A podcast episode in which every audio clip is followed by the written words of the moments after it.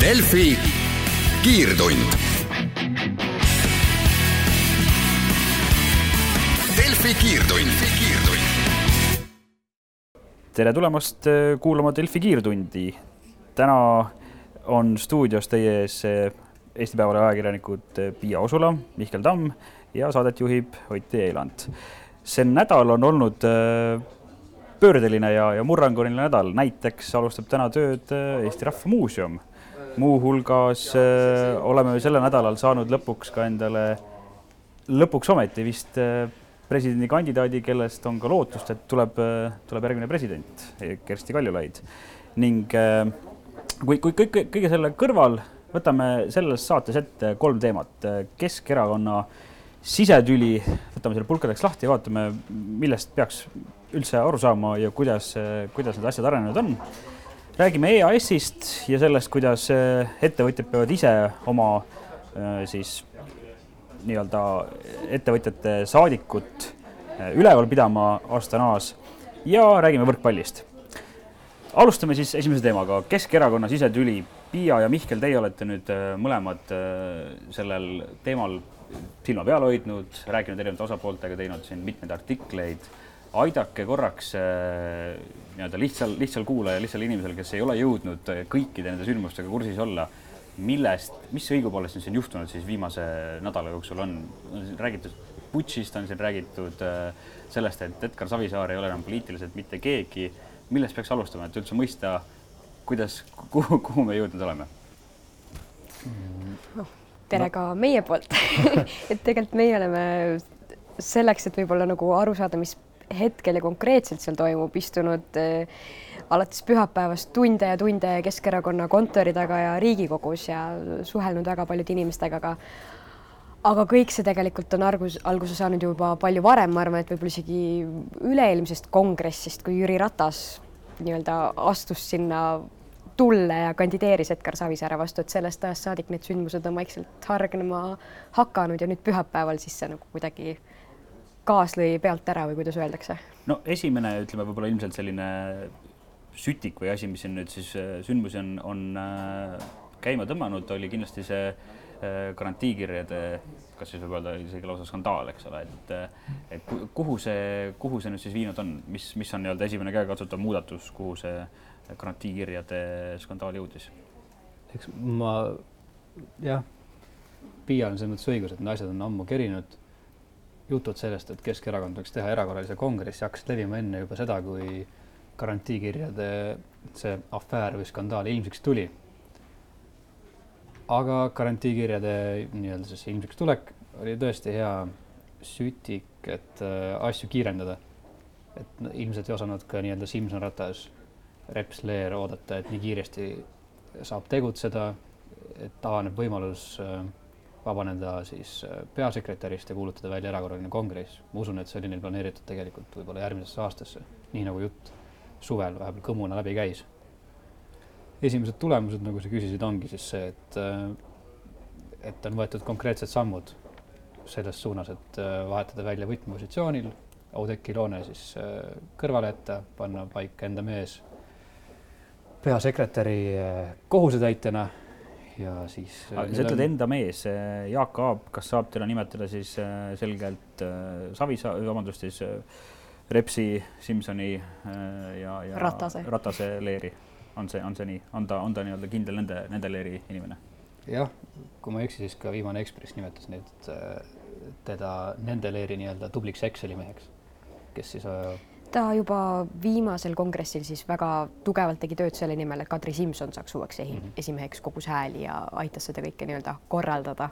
ta oli jah, seisis seal ühes rivis koos teiste Kadri toetajatega ja oli käes sall,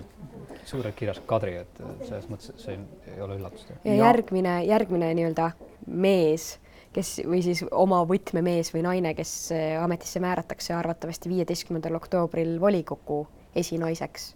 siis saab Kersti Sarapuu, jah. mis on huvitav, sest tema abikaasa Aro Sarapuu on ju ähm, senini, senini küll, aga nüüd juba ta võtab ka sõna tegelikult nii-öelda pigem just hoopis selle RSR-i le leeri nagu esindajana, aga tundub, et see ongi niisugune viimaste nädalate teema, kus inimesed võib-olla ka hakkavad mõistma, et, et siin enam pikka pidu meil ei ole, hakkame nüüd vaikselt nagu koonduma sinna teise leeri taha ja näitame ennast seal nagu nii-öelda heas kirjas, et. jah, see oli Postimees ju ka, kes tegi selle graafiku, et kus on Keskerakonna juhtfiguurid ja on nagu must kass vahelt läbi jooksnud vasakule-paremale poole siis erinevad leerid ja tegelikult sealt võib aimata mõned nimed, kes võiksid kanduda tegelikult sinna Ratas, Simson, Reps poole peal ehk RSR, nagu sa ütlesid. Mihhail Kõlvart näiteks üks nendest tugevamatest nimedest. kas äh, Oudekki Loone mahatõmbamine siis äh, peasekretäri kohalt äh, oli, oli nii-öelda siis selline, kuidas öelda, äh, lakmuspaber või selline, selline kadalipp Jaanus Karilaiu jaoks, kes pidi tõestama siis ennast võib-olla Rata, Ratase, Simsoni ja, ja Repsi leerile, et, et ta astub ka nende, nende leeri. on see, on see üldse nii või on see nii-öelda? see tegelikult juba, ma arvan, garantiikirjade ajal ta ju võttis ikkagi väga kriitiliselt sõna kõige selle kohta, mis on varem toimunud ju nii-öelda seal Savisaare leeri poole peal. aga mm. tegelikult, miks on tarvis seda peasekretäri kohta Olga Ivanova, siis Savisaare leeri poole pealt ju väga selgelt ütles, et, et küll viidates ma kujutan ette sellele, mis on ka varasemalt toimunud, et kui sa oled peasekretär ja nüüd on toimumas uus kongress, uus esimees valitakse, siis sina, sinul on see võim ja kõige rohkem nagu nii-öelda võimalust neid niite tõmmata, et kes sinna kongressile, kui palju kokku kutsutakse, et seal oleks täpselt nagu seljatagune kindel. mis võis olla minu arvates, nii palju ma olen rääkinud keskerakondlastega siin võib-olla selle loone küsimuses polnudki nii väga see nii-öelda leeride küsimus alustuseks see, mis selle rahulolematuse tekitas, vaid ongi reaalselt see, et äh, loone süstemaatiliselt valetas ja varjas äh, juhatuse liikmete eest seda, mis tegelikult toimub. ja lõppude lõpuks oligi nii, et mitte keegi lihtsalt ei uskunud mitte ühtegi sõna enam, mis ta suust välja tuleb. ja, ja see, see oli tegelikult see peamine põhjus, miks temast oli vaja lahti saada sest äh, tema suhtes oli kadunud igasugune usaldus, lisaks on seal see poliitiline boonus, et äh, saab ka siis need nii-öelda Simson, Simsoni leer saab siis selle, selle võidu, et ta on temast lahti saadud. kui palju veel on Savisaarele jäänud äh, tähtsatel positsioonidel, ehk siis inimesi, kes on Riigikogus ja, ja kes on ka erakonnas võimupositsioonil, palju tema toetajaid üldse jäänud on, kas neid saab kuidagi kokku praegu lugeda või öelda hinnanguliselt, et on see nüüd, on see nüüd kaduv vähemus või, või on seal, on seal, on tal veel lootust erakonnas üldse mingisugust äh, jõupositsiooni omada? eks poliitmängud, nagu me teame, on ju üks asi on see, mis on nähtav, üks asi on see, mida inimesed käivad ja kuulutavad, et keda nad toetavad, kui läheb hääletuseks, võivad tekkida tühjad sedelid või hääled kellegi selja tagant lihtsalt kaduma minna, aga südametunnistuse hääled. ja aga tegelikult, mida me ka nägime, ma arvan, nagu Keskerakonna puhul, mis minu jaoks on hetkel kõige olulisem, on see, et et Mailis Reps tek- ja Keskerakond tekkis nii paljude eestlaste nagu teadvusesse järsku, et ma kuulangi, ta meeldibki mulle, see on Keskerakond ja see on normaalne ja, ja ma annan oma hääle. et see näitab seda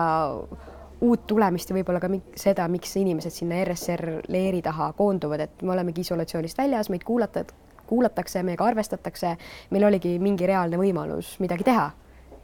ja kaasa rääkida kas see, kas me võime ka nii-öelda ümber sõnastades öelda, et äh, Repsi selline siis äh, noh, presidendi kampaania oli ka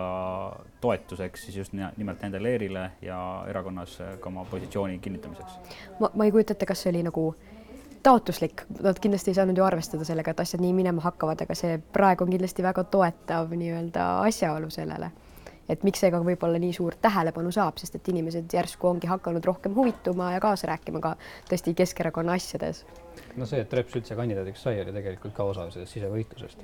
aga mis puudutab seda, et palju Savisaarele sõpru on jäänud, siis noh, siin räägitakse, et iga sekundiga jääb neid aina vähemaks. aga no ma ei julge seda ennustust veel teha, et ta täiesti üksi jääb, sest Savisaarel on oskus tegelikult inimesi koondada ja kuu aega, veidi rohkem on jäänud isegi kongressini aega ma ei julge seda ennustust teha, et ta, et ta ei tule sealt ilma, ilma noh, jääb kaotajaks, ma ei julge öelda. kongressini on veel aega, aga ütleme, järgmine suurem hääletus on esmaspäeval, kui otsustatakse, kas siis äh, Kersti Kaljulaidust saab järgmine president või mitte. kas äh, Savisaarel on veel nii palju mõjuvõimu ja inimesi, et ta suudaks enda, enda siis äh, noh, ma ei tea, pahatahtlikkusest, millest iganes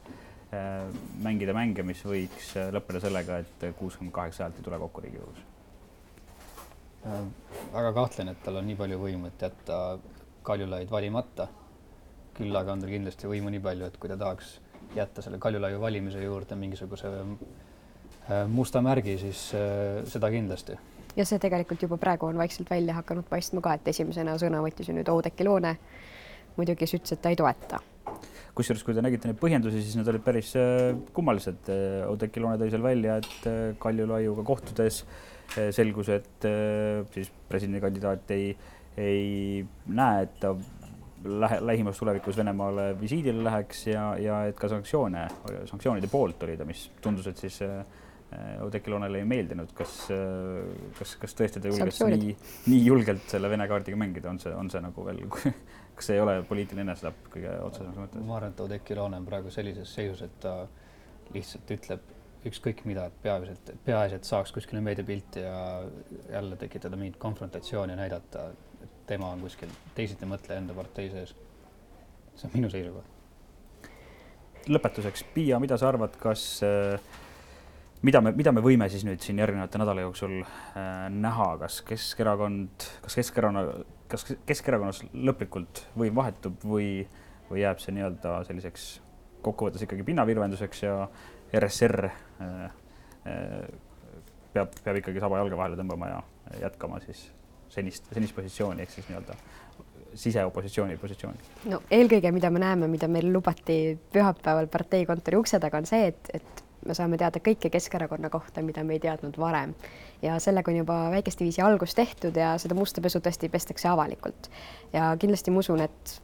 me kuuleme seda kõike, mida me varem ei teadnud, me näeme musta pesu, see asi läheb räpaseks, sest et see on kolmas kord, kolm on nii-öelda kohtuseadus ja ma tõesti ei kujuta ette, et mida on ERSR-il ja kuidas on jätkata erakonnas, kus nad on algatanud tegelikult sellise ikkagi putšisõja, nagu seda nimetati, ja pärast siis nii-öelda saba jalge vahel seal jätkata, et, et see võib olla ikkagi väga keeruline ja raske. seda kõike saame varsti näha, tõmbame hetkeks hinge ja jätkame EAS-i teemadel. Delfi kiirtund, kiirtund jätkame EAS-i teemadel ja minuga on liitunud äh, Ann-Mari, Ann-Mari Nergi. Äh, kuidas, äh, kuidas nüüd seda tänast artiklit, mis meil Ärilehes on, pealkirjaga Ettevõtja maksuametniku lähetus, ettevõtja maksku ametniku lähetus kinni, sest EAS-il ei ole raha. kuidas sellest teemast aru saada, nii et ei peaks artiklit otsast lõpuni läbi, läbi lugema, et ehk siis milles see nagu probleem on? Ehm, probleem oli siis selles, et ehm, ütleme, see, see vist ei tule kellelegi üllatusena, et äh, raudteesektori, transiidisektori äh, ärimehed, ettevõtjad ja ka äh, riigifirma juhid, eks ole, kes on siis Eesti Raudtee ja Cargo ja on väga mures, et ütleme, kümne aastaga on tran-, ainuüksi transiidi maht mis siis Eestit läbib, vähenenud kuus korda. ja need numbrid on vahed on ikkagi väga suured et seda kuidagigi taastada, et ehm, saada mingitki mahte nii-öelda kompenseerida Venemaa arvelt, eh, võiks proovida siseneda Kesk-Aasia turule ehm, ja võtta osa sealt, kus juba meie nii lõuna kui, eh, kui siis nagu põhjanaabrid eh, osa võtavad, ehk siis uuest niinimetatud siiditeest, mis mis kulgeb siis Hiinast ja läbi Kasahstani ja, ja läbib ka väikese osa Venemaad, aga siis jõuab nii-öelda siia äh, kas siis Läti või Soome sadamatesse, et endiselt ta ei jõua veel siia Eesti sadamatesse, aga võiks jõuda, et see on, see on nii-öelda see tööülesande püstitus, et mm, -hmm. et need Kasahstani kaubad või siis Hiinast tulevad ja Kasahstani läbivad transiitkaubad võiks jõuda Eestisse, et ma, me saaks neid laeva peale panna ja siit edasi Euroopasse saata see üks probleem, mis meil vahepeal on, on selgelt Venemaa, kellega ma saan aru, et ei ole Eestil vähemalt mingisugustki plaani eh, suhete taastamiseks ja nagu sa siin hästi märgid, eh, kuidas see oli, koogutamas käia või, või, või nii-öelda. no seda on siis... üks eh, poliitik ise öelnud mm -hmm. täpselt sellises sõnas, koogutama me sinna ei lähe mm. -hmm. et, et jah, et seal on noh, nüüd see jupp on Venemaad vahel, et see peaks olema selline, ütleme võib-olla lihtsam, lihtsamini lahendatav kui see, et jah, noh, Venemaa suunab kõik enda kaubad enda sadamatesse, eks ole, et et aga noh, Kasahstani puhul on veidi teine olukord. ja, ja siis, siis oligi, et transiidiettevõtjaid, keda on noh, koos siin riigifirmadega seitse-kaheksa tükki äh,, tegid ettepaneku, et äh, palun, kuna meil on Kasahstanis siiski veel saatkond alles, et saadame sinna ka sellise majanduseksperdi äh, eriala diplomaadi diplomaatilise passiga, kes siis saaks jala ukse vahele, kontakte taaskord üles soojendada. see oleks võtnud sada kümme tuhat eurot EAS-i eelarvest ja seda ei leitud eelmise aasta lõpu seisuga. täp, täpsustame, et nüüd sellist ametiposti seal tegelikult enne pole olnud, eks ole? ei. et see oli, oli siis, ma saan aru, et see on selle aasta algusest loodud, eks ole mm, -hmm. ja, ja, ja, ja selle jaoks ei leitud raha, see, see summa, no tõesti sada kümme tuhat eurot, kui siin sa oled head võrdlused toonud artiklis kuidas näiteks EAS on kulutanud Eesti märgi otsimiseks kakssada tuhat eurot, mis me teame, lendas ju täiesti äh, tühja, sellest ei saanud ju kokkuvõttes äh, mitte midagi. teine näide, kuidas bürokraatia vähendamise rakkerühma töö korraldamiseks eraldati sada viiskümmend tuhat eurot. jällegi tundub selline noh Summa... ma veel, ma veel pärast mõtlesin, et noh, veel nagu ilmekamad näited on ju tegelikult raudtee enda seest, et kuidas riik peab liigutama noh, just vähenevate kaubamahtude tõttu on ju, peab liigutama raha nii-öelda Elroni taskust Eesti Raudtee taskusse, klattima seal ise mingisuguseid arveid, mida noh, Eesti Raudtee suudaks ju maksta, kui tal oleks seda kaubamahtu, kui ta saaks neid inflatasusid, et mm, minu meelest selle aasta, sel aastal teatas MKM jälle, et nad maksavad viis miljonit miljonit eurot äh, nii-öelda Elronile peale, et nad suudaks siis neid tõusvaid infratasusid äh, maksta ja nii et no. hästi lihtsalt öeldes me räägime tegelikult peenrahast, mis, mis, mille võib-olla nii-öelda äh, tagasi teeniv niisugune tulu oleks, oleks oluliselt suurem kui, kui seesama väike kulu selle ühe mm., ühe inimese peale. et ja seda raha ei ole leitud, kas, kas sa said seda lugu kirjutades, uurides aru, milles see probleem on, probleem täpselt on, kas see on see huvipuudus, kas see on see Eh, see, et ei saada nagu aru, mis see, mis see nagu kasu seal võiks olla või milles see asi on? siin üks on kindlasti huvipuudus ehk siis, et eh, noh, teatavasti on transiit ju ühe väikese grupi eh, huvide mm, kuidagi läbisurumine, eks ole või noh, transiidi probleemide püstitamine kui selline. teiseks ongi see nii, et kuigi me ütleme, et me oleme siin väike ja paindlik riik, siis ega noh, neid otsuseid ei jõuta ju teha niimoodi, et et tõesti see raha siis millegi arvelt leida või noh, EAS-i suguses organisatsioonis ma arvan, et võiksid need asjad kiiremini käia, kui ta peaks olema ettevõttele, ettevõtetele ja ekspordile ja ja, ja, ja uute ärivõimaluste leidmisele keskendunud organisatsioon. ja, ja noh, huvipuudus poliitiline huvipuudus äh,. jah, see,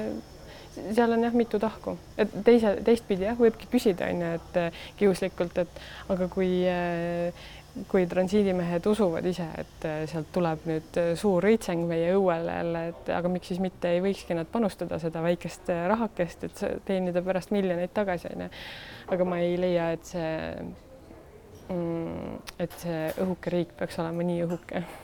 et üks veel teine näide sel nädalal äh,, täpsemalt siis üleeile äh, tegi EAS siis avaldas nii-öelda ühe auditi ja, ja pressiteate, milles nad siis noh, suhteliselt nii-öelda joviaalselt teatasid, kuidas nad avastasid ühe pettuse Rakveres äh, Targa Maja kompetentsikeskuses. ja seal see summa, millest nad siis äh, kahtlustavad, et on noh, sisuliselt vasakule läinud või nii-öelda äh, mitte, mitte ees, eesmärgi sihi, sihipäraselt on kolmsada tuhat eurot. see on natuke võib-olla ka ilmekas näide selle loo kontekstis, et iseenesest kolmsada tuhat eurot on suudetud, kui see kõik vastab tõele, and-, anda nii-öelda kontrollimatult. kas selle üldse kunagi tagasi saadakse, mis sealt täpselt saab, seda on raske öelda. aga samas selle sada, sada kümmet tuhandet ei leita, et noh, see. Kuidagi kõik need asjad. no Jürgen Weberile anti sada kuuskümmend kuus tuhat, mida nüüd tagasi küsitakse, eks. näiteks, et kui need nagu võrdlusesse panna, siis üha enam süveneb see küsimus, et kuidas, kuidas see kõik võimalik on, miks, miks mm. ministeerium või, või EAS sellest nagu aru ei saa, et mm. on sul, on sul mõni selline ettepanek EAS-ile või, või ministeeriumile, mõni selline imevalem, mida nad peaks tegema või millest, millest nad peaks alustama, et üldse selle? no ütleme selle loo valguses võib-olla noh võiks ju säilida mingisugune lootus, et, et siis ähm, ka logistika ja transiidisektori huvidega hakatakse äkki lõpuks arvestama, et võib-olla Kasahstani saatkonda ei suleta, mille nüüd sulgemisotsust on edasi lükatud, ma saan aru, järgmise aasta suvesse mm. -hmm et, et midagi seal on ja võib, noh, ma saan ka aru selles mõttes, et, et EAS-i ähm,, EAS-i sellisest äh, huvipuudusest selles mõttes, et nad noh, ütlevadki, et see Kasahstan ei ole neile mingisugune äh, top sihtriik, kuhu ennast äh, sättida, sellepärast et seal ongi ainult see transiit põhiline, et sinna noh, sinna ei lähe ei residentsust viima, ma ei tea tegelikult, miks mitte, eks ole. Ja, ja, ja mingeid noh, ma ei tea, mingeid nutiseadmeid või mingit, mingit muud sellist e-Eesti äh, kas siin on võib-olla, võib-olla nii-öelda meie, ma mõtlen, meie all mõtlen siis nii-öelda Eesti äh,, kuidas öelda äh,, irooniline äh, selles mõttes topeltstandard, et iseenesest me, kui keegi meil äh, läänest ütleb, et ah, teie seal Ida-Euroopas tunneme ennast kuidagi süüd, nagu solvatuna, et mis mõttes me oleme ju siiski niisugune eesrindlik lääneriik, aga nüüd ise vaatame ida poole, siis see on selline mõttetu riik, Kasahstan, sealt on Boorat pärit ja nii edasi, et, et me ise tegelikult nii-öelda jätkame või hoiame sama suhtumist mm -hmm. elus, et eh, kas, kas see on võib-olla ka eh, probleem, probleemi nii-öelda juur on võib-olla ka selles peidus? jah, võib-olla tõesti, et ta ei ole selline ähm, ma ei tea, parketikõlbulik või, või mingi riik jah, et, et kui sa, kui sa poliitikuna edastad mingeid võite Kasahstanist, siis võib-olla see kõlab kuidagi vildakalt, aga aga noh, transiidiärimehed ütlevad, et Kasahstan on ikkagi sealse piirkonna selline eesrindlik ja väga äh, suure respektiga riik, on ju, mida, millega arvestavad ka seal need lähi äh,, lähistannid mm, -hmm. kõik, kõik, mis seal koos on. suurte võimalustega riik, mida, mida meie siit mitte mm -hmm. ei mhm. taha nagu taibata ja aru saada. just äh, kindlasti usun, et Ärileht hoiab sellel, sellel teemal silma peal, eks saame näha, kas, kas meie siis ministeerium MKM-i näol ja, ja EAS hakkavad kunagi äh, no jah, praegune, praegune olukord on pigem see, et MKM ja EAS on solvunud selle loo peale. noh, loodame, et nad pikka viha ei pea. tõmbame hetkeks hinge ja jätkame sporditeemadel. Delfi kiirtund saate viimases plokis äh, räägime spordist. Äh, olen kutsunud spordi, sporditoimetusest endaga mõtteid vahetama Raul Ojasaare. Raul, Eesti spordifännil ei ole olnud äh, lihtsad ajad. siin jalgpallimeeskond on saanud noh, ütleme mitte isegi ahastama panevaid, vaid lausa nutma ajavaid kaotusi. korvpallimeeskond andis küll väga südika võitluse, kuid siiski lõpus pidime tunnistama taaskord teiste paremust võib, võib vist öelda, et nii-öelda sellistest meeskonnas spordialadest on jäänud võrkpall veel viimasena, mis, mis vähekenegi suudab meile häid emotsioone pakkuda, kuid äh, kumma, kummalisel kombel või noh, kas ta nüüd ongi väga kummaline eh,, siin on andnud Makedoonia koondis siis sisse sellise nii-öelda kaebekirja, et, et nad ei ole rahul sellega, kuidas Eesti pääses siis alagrupist edasi play-off siis play-off turni-, play-off vooru saad sa natuke seda teemat avada, kas, kas Makedoonia sellel kirjal on ka nagu alust, kas nad tõesti võivad, võivad, kas, kas sellel üldse saab ikka võib-olla tulemust olla, et järsku, ma ei tea, rahvusvaheline liit otsustab, et jah, tõesti, näete, siin on alust ja peame järsku tühistama ja tegema võib-olla kordusmängu? no eks äh, seda on raske ennustada, ma usun siiski, et äh, siin mingisuguseid äh, tagantjärele korrektuure tegema ei hakata, eks ju, et noh, kui sealt jutu algusest alustada, siis noh, ega see võrkpallikoondise EM-valiksari või selle sarja käik ei olnud ka ju tead, tead mis äh, kuskil äh, pilvede sõljumine, et see oli ikkagi väga-väga napilt see edasipääs sinna play-off'i lõpuks tuli ja noh, oligi noh, täiesti viimase pea, viimase mängu peale jäi, meil oli vaja Tšehhit, kes oli selleks hetkeks täiseduga, mängi, mängis oma koduplatsil. meil oli neid vaja kindlasti võita. sellega me saime hakkama ja suuresti võib-olla tänu sellele, et Tšehhi mängis oma teise koosseisu, kuna neil oli juba edasipääs selge. aga räägime sellesama olukorra nüüd lahti, millega makedoonlased pole rahul. Eh, makedoonlastel oleks piisanud, kui eh, Tšehhi oleks Eesti vastu vähemalt kaks eh, siis game'i võitnud samas nad ei võitnud ühtegi kolm-null võidu, eks ole. kas see olukord, kus Tšehhi nüüd oli, et nad olid, nende, nende edasipääs oli kindel ja nad tõesti pidanud nii-öelda raiskama enda, enda esimest, esimest meeskonda või noh, siis kuidas öelda, esimest koondist või nii-öelda A, A, A, A-mängumehi, et kas see, et nad nüüd selle nii-öelda B-kategooria mehed sinna panid, kas see on aus, kas seda saab kuidagi taunida või on see, on see nagu antieetiline küsimus või on siin ikkagi alust kuidagi edasi kaevata seda olukorda? no seal oli noh, tegelikult oli niimoodi, et Eestil oli lihtsalt võitu vaja, et äh, noh, kui Eesti oleks ka kaks-kolm kaotanud või, või midagi, siis sellest ei oleks enam piisanud või noh, kui oleks, kui oleks Eesti ka Tšehhit kolm-kaks võitnud, siis sellest oleks ka Eesti jaoks piisanud, eks ju, et noh, lihtsalt võit või kaotus. Et noh, seal oli, no seda on raske öelda, kas see on eetiline või mitte, eks ju, et see oleneb, oleneb olukorrast, see võistlussüsteem on selline, nagu ta on. Ja noh, tšehhid lihtsalt noh, ei saa öelda, et nad kasutasid ära seda aga noh, see oli nende õigus, välja teenitud õigus, eks ju, kuna nad olid enne seda olid kõik, kõik mängud võitnud, viis mängu vist võitnud, siis noh, neil oli see võimalus, nad kasutasid seda, eks ju, et noh, muidugi see ei ole makedoonlaste suhtes aus, kuna nemad, nemad pidid mängima kaks mängu Tšehhi põhikoosseisu vastu, Eesti sai ühe mängu mängida siis nii-öelda selle noh, jutumärkides B-koondise vastu, eks ju, et et see, ma saan tegelikult väga hästi aru, miks makedoonlased nördinud on, ilmselt me ise oleks ka nördinud, kirjutaks samasuguseid arvamuslugusid praeguse, kui need, kui need, ütleme, see laud oleks teistpidi. et noh, see tegelikult ütleme, see võistlussüsteem lihtsalt võimaldas sellist asja tšehhidel teha. ja noh, Makedoonia arusaadavalt on nördinud, aga noh, ega siin enam midagi teha teistpidi pannes siis ega, ega siin nüüd Eestit ka milleski süüdistada ei saa, meie mängisime, meie tegime seda, mis meil oli meie võimuses, läks küll alguses kehvasti, vahepeal veel kehvemini, aga lõpuks noh, lihtsalt, lihtsalt ka meil nii-öelda noh, vedas ja saime, saime oma asja tehtud, et, et, et noh, noh, oleks ka vist natuke eh, naljakas, kui nüüd meie olukorras, kus me andsime endast kõik, ka peaksime kuidagi tagasi andma või, või tehakse mingi korrektuur ja meie, meie sellest kuidagi kaotaks, nii et see ei oleks ka ju aus. ei nojah, ega makedoonlased Eestit ei süüdistanudki, et Eesti tegi seda, mis, mis nad tegema pidid, et ega siis see Tšehhi paneb B-koondise välja, ega meie ka siis, ma ei tea, Avogel ei pea panema järsku, või mitte Avogel, vaid Gretu loomulikult ei pea panema seal mingisugust enda varumehi mängu selle peale, et meie muidugi, meil oli võitu vaja, me läksime, läksime võidu peale välja, saime võidu kätte. et seal makedoonlased jah, rohkem olid just nagu tšehhide peale, eks ju, nördinud, et et miks nemad ei läinud, ütleme sportlikult lõpuni välja oma, oma tugeva koosseisuga ja tugeva motivatsiooniga, aga noh, seal on see muidugi teisest küljest eh, noh, kuna tšehhidel oli, eks ju, see alagrupi võit, edasipääs, kõik oli kindel, siis eh, mine tea, kas nad oleks ka siis võitnud, isegi kui nad oleks selle esindusmeeskonnaga mänginud, eks ju, et noh, kodupublik küll, aga eks see motivatsioon ja selline